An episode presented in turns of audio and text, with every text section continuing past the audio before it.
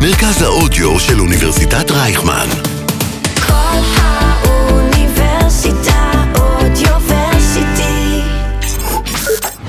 ארבעה מטוסי דרימליינר ענקיים שיצאו לחילוץ הישראלים השוהים בלימה בפרו בכל מטוס 270 נוסעים. הטיסות לא עלו לנוסעים כסף, אל על פנתה ללא מעט חברות עסקיות שעזרו במימון. אנחנו נמצאים בעוד יום אה, תרומה של עובדי החברה.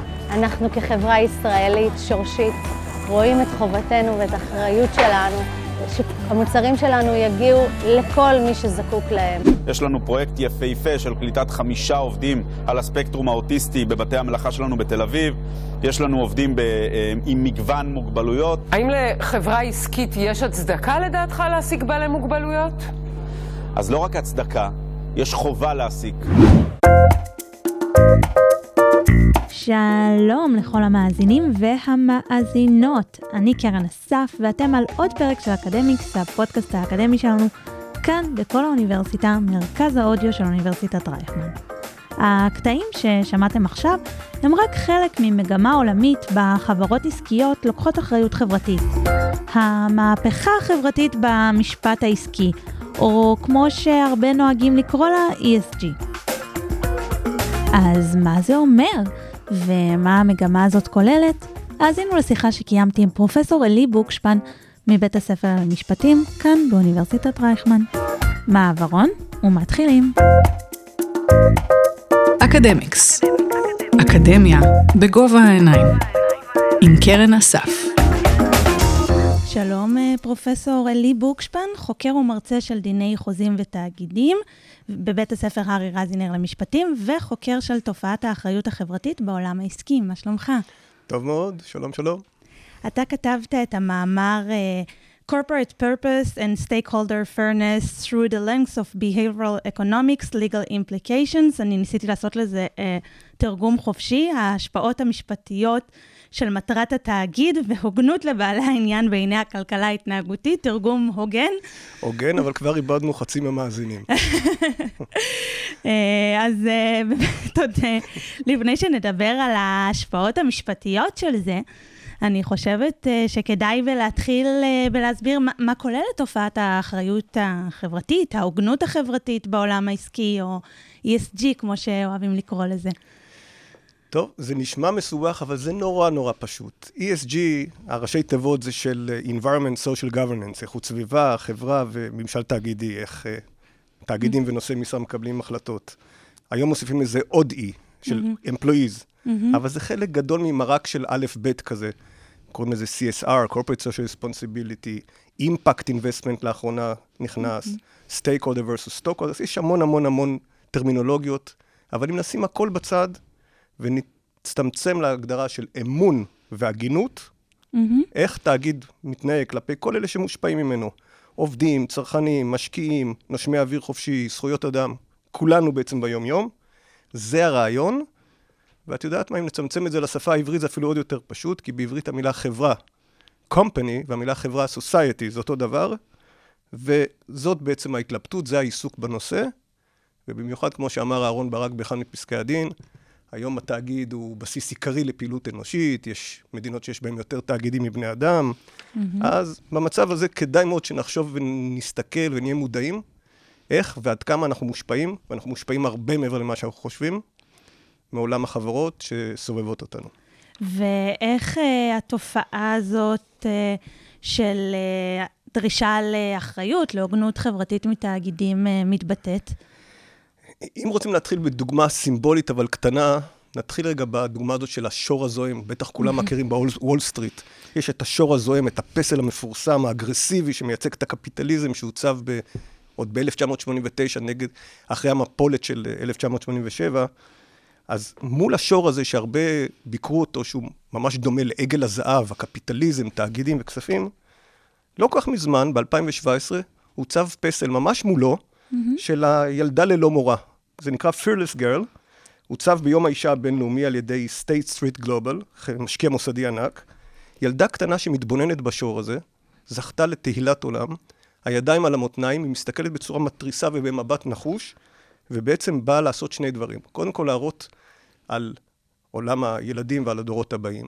על עולם הנשים, שהגיע הזמן למצב אותם ב, בעולם העסקי ברמות הגבוהות ביותר, ו State Street, בואי נראה איך שיקולים עסקיים משתלבים בחברתיים. זה גוף עסקי שנועד לעודד משקיעים, אז הוא אולי ראה את הסנטימנט הזה ופרסם את ה... הציב את הפסל, גם כדי לשווק מדד שהוא עצמו מעורב בו, שבוחן חברות לגבי אה, איוש משרות Mhm. הנהלה בכירות על ידי נשים. זה בא ב-2017, ב-2019 ביקש הפסל של השור הזועם שיזיזו, כי זה פגע לו ב... זה נשמע כמו הילדה בשמלה אדומה ושתי צמות ששואלת למה. שואלת למה, אבל היא גם נותנת תשובות. היא לא רק שואלת, היא גם נותנת תשובות. היא מתריסה. הפסל הזה, הוא, הוא עבר משם, אבל עכשיו הוא מוצב ככה, כלאחר כבוד מול ה New York Stock Exchange, ממש שם. וזה סימבול קטן, את אומרת איפה זה נוכח. זה באופן סימבולי, אה, אבל זה בא גם להראות לנו שכל העולם הזה, לא רק באמצעות הסימבולים, ב-2019 הייתה יוזמה משמעותית מאוד, שנויה במחלוקת אבל משמעותית, של ה-Business Roundtable, ארגון השולחן העגול, של 180 המנכ"לים של החברות הכי גדולות בארצות הברית, מי- מיטב הקפיטליזם, חותמים על דקלרציה, היא לא משפטית עדיין, אבל היא דקלרציה שאומרת שתפקידם עלי אדמות של מנכ"לים בקורפרט אמריקה, זה לעבוד למען הסטייק הולדרס, עובדים, לקוחות, זכויות אדם, איכות, איכות אה, האוויר וכן הלאה. ובעלי המניות נזכרים באותה הצהרה של 300 מילים, אבל רק במילה 250, כדי להבין את הסנטימנט. ב-1997 אותו ארגון חתם על הצהרה שונה בתכלית, שבעלי המניות הם במרכז. באותה שנה, וכל זה היה עוד לפני התפתחות הקורונה, כמה חודשים לפני. דבוס, הארגון הבינלאומי של מיטב המוחות הקפיטליסטים, גם קורא במניפסט מאוד ידוע בדצמבר 2019, הגיעה השעה לעבור מ stockholder capitalism ל stakeholder capitalism. בואו נבין כמה תאגידים משפיעים על העולם, בואו נעשה את המהלך הזה. כל הדברים האלה קי... קיימים, ואם נזכור רגע היסטורית, אבולוציונית, ב-2011, מהמם. היד הנעלמה משתנה. יש פתאום משקיעי millennials. היה את ה Occupy Wall Street, את המחאה ברוטשילד. אה, נראה שיש איזה כוחות מלמטה, יד נעלמה שדורשים יותר ויותר היום ממוקדי הכוח, שזה לאו דווקא מדינות. מהמם. זה פייסבוקים, זה גוגלים, זה כל מיני תאגידים גדולים, מזהמים וכן הלאה. להתחיל להיות הוגנים, אחראים, לטובתנו, לטובת הדורות הבאים. כי כאמור, תאגידים היום משפיעים על כל אחת ואחד מאיתנו הרבה מעבר למה שאנחנו חושבים. אסור להיות בנות יענה. מהמם. זה מוקדי הכוח, הם מוקד ליוזמה, לעסקים, לשגשוג, למצוא אולי פתרונות ברב... במטרות עסקיות, פתרונות חברתיים, אבל לא ליצור בעיות, אלא למצוא פתרונות עסקיים, אבל לבעיות חברתיות ולא... אבל אם אנחנו מדברים על המחאות החברתיות, על משקיעים אה, שלא מוכנים פתאום לשים את הכספים שלהם אה, אצל חברות מזהמות, או אה, שפוגעות בזכויות אדם, אז אולי זה לא באמת אה, שינוי של המהות, זאת אומרת, אה, עדיין המטרה של החברה היא להשיא רווחים, אבל יש פה איזה green wash, PR, וככה משיאים רווחים. אז מחקרים אמפיריים מראים שהיום הדברים מתוכללים, it's a win-win, it's growing the pie. לעשות טוב זה גם לעשות טוב לעסקים, אה, זה נכון. יחד עם זה, זה גם דבר טוב כשלעצמו וחשוב כשלעצמו. אני אה, לא בטוח שהדברים האלה נעשים אך ורק כדי באמת לטייח או לעשות אה, בצורה תדמיתית דברים. הדברים נעשים בצורה עמוקה הרבה יותר ויותר, ואני חושב שהדברים האלה הולכים בכיוון הזה, הולכים בכיוון.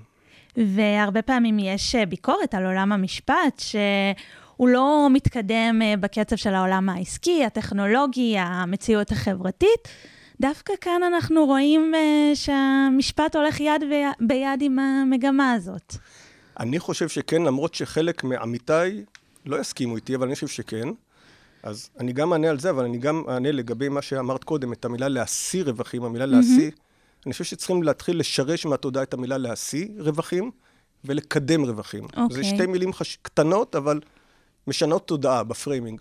כשתאגיד יחשוב כל הזמן שהוא צריך להשיא רווחים, אז ברור שהוא לא יסתכל ימינה ושמאלה. אם הוא יבין שהוא רק צריך לקדם רווחים, הוא יהיה יותר טולרנטי ופתוח לראות ולספוג את המגמות שממילא קורות. ולשאלתך השנייה, אה, המשפט אומר את הדברים האלה, ואני מסכים איתך, ובטח בישראל, רק, לא רוצה להגיע בציטוטים משפטיים, אבל אם ניקח עוד ב-1983 את שמגר, מגדולי השופטים שלנו פה בישראל, נשיא בית המשפט העליון בדימוס, כותב כבר ב-1983 בפסק דין מאוד ידוע, עוד הרבה לפני הארגון השולחן. העגול, שדומה שהמגמה המודרנית והמתפתחת היא שעל החברה ועל מנהליה הפועלים עבורה לקחת בחשבון לא רק את טובתם של בעלי המניות, אלא גם את טובתם של עובדי החברה, צרכניה והציבור הרחב בכללותו. והוא לא אומר את זה סתם למטרות mm-hmm. חינוכיות, הוא אומר את זה כדי לה, אה, להראות שיש חבויות משפטיות אם לא עושים את זה. ופסק דין חדש יותר, מ-2009, אומרת השופטת פרוקצ'יה בבית המשפט העליון, מילים כדורבנות, וזה מילים לא משפטיות. הן פחות או יותר יכולות להופיע במניפסט של דבוס, או ב... היא אומרת כך: בעידן האחרון מתאפיין התאגיד העסקי בדואליות, כלומר גם וגם. שהפן האחד שלה זה באמת שיקולים עסקיים המודרכים על ידי שיקולי יעילות ותועלת, נכון, אבל הפן האחר הוא קיום חובות הגינות ותום לב ביחסים עם קבוצות שונות עימן בא התאגיד במגע במסגרת פעילותו העסקית. התאגיד חב אפוא חובות הגינות לציבור הנושים החיצוניים עמם הוא בא במגע. לא יעשה ככה, גם התאגיד, גם נושאי המשרה, גם בעלי המניות, ייחשפו גם לחיובים אה, כספיים. כלומר, זה שינוי תפיסתי. תפיס, חד, שינוי DNA, ממש. שמגר ממש אומר שם ESG, לא במילים האלה, אבל צרכנים, חברה, זה, זה שם. אני מסכים לחלוטין, ואיכשהו, אם היום את עדיין מדברת אה, עם דירקטורים, אפילו עם יועצים משפטיים, חלקם, שחיים עדיין את התפיסה המסורתית שאכן הייתה שם, ונדבר עליה בחלק השני, אני מניח, של הפודקאסט, mm-hmm. עדיין יש כאלה שחושבים שהמטרה היא להשיא רווחים לבעלי המניות, וזהו, שהיתר ידאגו לעצמם. זוהי תפיסה כבר שלא משקפת את המצב הקיים, לא את התפיסות האנושיות, החברתיות, העסקיות, הפיננסיות, וגם לא המשפטיות. שמגר הקדים את זמנו ואמר את זה, וגם נתן איזה משמעות משפטית. אבל איכשהו, הרבה מנושאי המשרה ותאגידים עדיין שמים את זה בצד. לא רוצה לפתוח את זה יותר מדי, אבל גם המשברים לאחרונה, גם אצלנו היום בשוק המזון, שעולים mm-hmm. לכותרות השכם לבקרים, כולל בימים האחרונים, מעוררות חלק מהשאלות האלה. מעוררות שאלות למי בעצם חב תאגיד את עיקר אה, או את מרכז חובותיו. ואנחנו רואים גם שינויים אה, בחוק אה, בנושא הזה, ואתה הזכרת שינויים שבית המשפט באופן שבו פוסקים. אה, למה ברגולציה? למה שפשוט אה, משקיעים יש, או צרכנים יצביעו ברגליים? לא קונה את מי שפוגע, ו... ואז אז אני חושב שקודם כל צרכנים יותר ויותר עושים את זה. יש להם הרבה מקורות מידע, במיוחד אחרי שיש רשתות חברתיות, לדעת איפה, מה קורה. לא שהרשתות האלה הן נקיות מאינטרסים, אבל זה גם דרך שלהם, מחאת הקוטג', לתאם. פותח פה סוגריים, אותן רשתות חברתיות שיכולות לתרום למחאות הללו, הרגולציית שוק הזאת, הן גם שייכות לאותם תאגידים שנהוג לומר עליהם. תאגידי הענק. תאגידי הענק שעושים אולי לפעמים מניפולציות במידע ועושים לנו דברים לא פשוטים בעקבות המידע שהם אה, עוקבים אחרינו, אבל את זה נניח הצידה, אבל עדיין לחוק יש תפקיד מאוד חשוב, כי חוק, קודם כל הוא משלים, זה לא או-או, זה mm-hmm. פעולת מלקחיים. החוק עוזר לכוון, הוא עוזר להנחות, הוא עוזר לתקן. הרבה פעמים לאנשים יש, ומגלים את זה אנשי הכלכלה הביביוריסטית, זוכי פרס נובל, קהנמן, mm-hmm. טברסקי לצערי לא הספיק, אבל טיילר, שמזהים שלהרבה אנשים יש גם בייסים קוגניטיביים בתהליכי קבלת ההחלטות. החוק אמור להחזיר אותנו, או לעזור לנו, או לתמרץ אותנו לפעול בכיוונים הנכונים, הראויים, ההוגנים. לרוב זה גם המועילים כלכלית לחברה, לאורך זמן, לא לטווח הקצר, בהכרח. יש uh, גם שינוי שהזכרת קודם, uh, שיש uh, מדינות עם יותר חברות, תאגידים, זאת אומרת, מאזרחים, גם יש תאגידי ענק כמו פייסבוק שהזכרנו, יש להם לפעמים תקציבים שהם יותר גדולים תמ"ג של אה, מדינות שלמות. עד כמה זה קשור לדרישות שלנו מתאגידים אה, להתחיל להתנהג אה, נחמד? קשור בקשר גורדי, זה ברור. כי עם הכוח באה המחויבות, האחריות, הסיכונים. חברות כשלעצמן, מבחינה כלכלית ומשפטית, הן מוקדי יזמות, אבל הם גם מוקדים שמי שמסתכל על המבנה המשפטי והכלכלי שלהם, עקרון הבע"ם המפורסם, האחריות המוגבלת, זה גופים שנוהגים להחצין סיכונים על אה, משמעי אוויר חופשי, על עובדים, על ספקים. קחו את העיקרון הבסיסי הזה, נוסיף לזה את התעצמות כוחם של התאגידים, ואז נבין איזה פוטנציאל, גם אה, יתרון, אבל איזה פוטנציאל גם לנזק או להחצנות כרוך בתאגידים האלה, אין ספק. עם הכוח באה אחריות, אמר את זה לא רק ספיידרמן, זה נאמר גם בהרבה מאוד מפסקי הדין. פסק דין שניתן לפני שבועיים שלושה בבית המשפט העליון מתייחס לפייסבוק. אומר שם השופט, שזה מדהים, שבסוף מרץ השנה, לפייסבוק היו 2.94 מיליארד משתמשים. מהמם. זה גלובלי גם, זה כמויות של אנשים. אין שום מדינה שיכולה לשלוט אין בכזאת שום כמות. מדינה, לא בכמות, וגם כשחושבים מה הם יודעים על כל אחד ואחת מאיתנו, יותר מאשר אולי השב"כ וה-FBI יודע על כל אחד ואחת מאיתנו, מה הם יודעים עלינו, מה הם יכולים לעשות עם המידע, כגודל, ולא לדבר עכשיו על תאגידים מזהמים, והעולם כרגע on fire, כמו שכולם יודעים. חוקי אקלים שביידן מנסה לקדם, איכות הסביבה, הרבה מהפעילות המזהמת הזאת נגרמת מפעילות. היא חשובה, היא טובה, היא מועילה, אבל היא גם עשויה לכרות את הענף עליו כולנו יושבים. כגודל העוצמה, כגודל האחריות, כגודל החשיפה, בנקים, חברות מימון, הם גם, יש להם מוקדי כוח, ולא רק אקונומית, סוציו-אקונומית לכל אחת ואחד מאיתנו. אין ספק שהדברים נגרמים, ולא בכדי זה עולה וצף היום יותר מאי פעם, זה כוחם המתעצם של תאגידים לעומת מדינות. סטטיסטיקה ממש מהעת האחרונה, מבין 200 הארגונים הגדולים בעולם, כמדומני 150 הם תאגידים, 50 הן מדינות. מבחינת העוצמה, משהו משתנה בכלל במוקדי הכוח. תמיד חשבו שהמדינות, זה המוקדים שכנגדם צריכים להגן על כל אחת ואחד על מאיתנו. האזרחים הקטנים מפני בעלי הכוח, פתאום בעל הכוח משתנה. ביום-יום שלנו אנחנו נפגשים עם תאגידים הרבה יותר מאשר עם המדינה, אני חושב.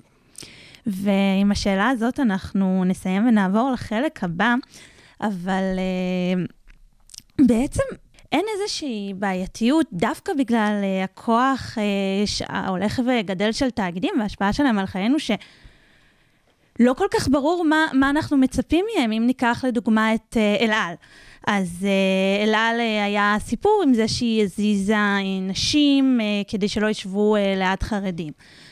אם יבוא מישהו ויגיד, אה, אל על רצתה להסיר רווחים, יש אה, הרבה חרדים שטסים בזה כי זו חברה לאומית שאומרת כשרות, או מצד שני יגידו שיש אה, אה, 50% מהאוכלוסייה היא נשים, אנחנו רוצים אותם שם, זה משהו שאפשר להבין.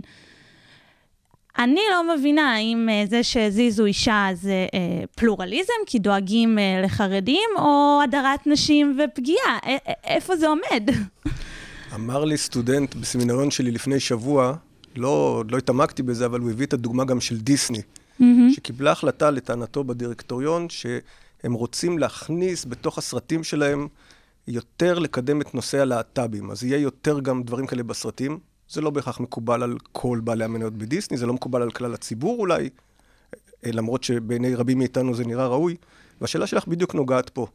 איך מנהלים את הדברים האלה שלכאורה הם קצת הטרוגניים, דיפוזיים, הם שנויים במחלוקת, הם לא בקונצנזוס, להבדיל נניח ממקסום רווחים, שזה כביכול... יש המכנה- שורה תחתונה שורה בדוחות. תחתונה, כביכול בדיוק. אז אין ספק, ועכשיו רואים, וזה בשנתיים שלוש האחרונות גדל בטור מעריכי, בניית מדדים. מדדים שייצרו שפה זהה שתשמש קודם כל מנהלים. איך לנהל, כי מה שלא מודדים אומרים לא מנוהל. איך מודדים אה, איכות סביבה, איך מודדים יחס לעובדים מעבר לנדרש על פי חוק, איך מודדים אתיקה, איך מודדים אה, יחס לצרכנים וכן הלאה וכן הלאה. כל המדדים הללו, קודם כל אמורים ליצור שפה זהה, זה משמש מנהלים, זה משמש אותנו המשקיעים או צרכנים להחליט איפה נרצה לקנות, זה משמש רגולטורים ובתי משפט. בארץ יש את מדד מעלה למשל, אם מישהו רוצה לעקוב בבורסה לניירות הערך. המפקח על הבנקים בונה היום מדד לבנקאות משפיעה, אימפקט בנקינג. אני חושב שאין כמו אוניברסיטת רייכמן להירתם גם לנושא הזה, גם מהלקוחות האקדמיים, ואנחנו פה הרי מזוהים יותר מכל עם שילוביות, עם בינתחומיות, עם עסקים, ממשל, משפט, תקשורת, כלכלה, פסיכולוגיה, ואם ניקח גם את המוטו של הבינתחומי, אה, חירות ואחריות. הרי כל הנושא הזה זה מצד אחד איך לעודד יזמות עסקית, חירות, ומצד אחד גם אחריות. אז כל הדברים האלה היום נעשים בצורה של בניית מדדים כדי למנוע את אותה דיפוזיה ועמימות. טוב שכל תאגיד במוסדות שלו יבחר לעצמו איפה, מה הוא רוצה לעשות, וכל אחד לפי העיסוק שלו יחליט, לפי המוסדות שלו, לפי המנגנונים שלו, יתכלל את זה כרצונו, לתת לכל אחד חירות לשקול את זה, למעשה לעודד תאגידים, להבדיל ממה שהיה לפני מהמם. 100 שנה. ואיך כל תאגיד ותאגיד יחליט איפה הוא רוצה להתמקד על הספקטרום הזה, זה כבר עניין אחר. אבל הגיעה השעה שגם תאגידים וזה קורה ממילא, ייכנסו לזירה החברתית ולא יישארו מחוץ, מחוץ לה.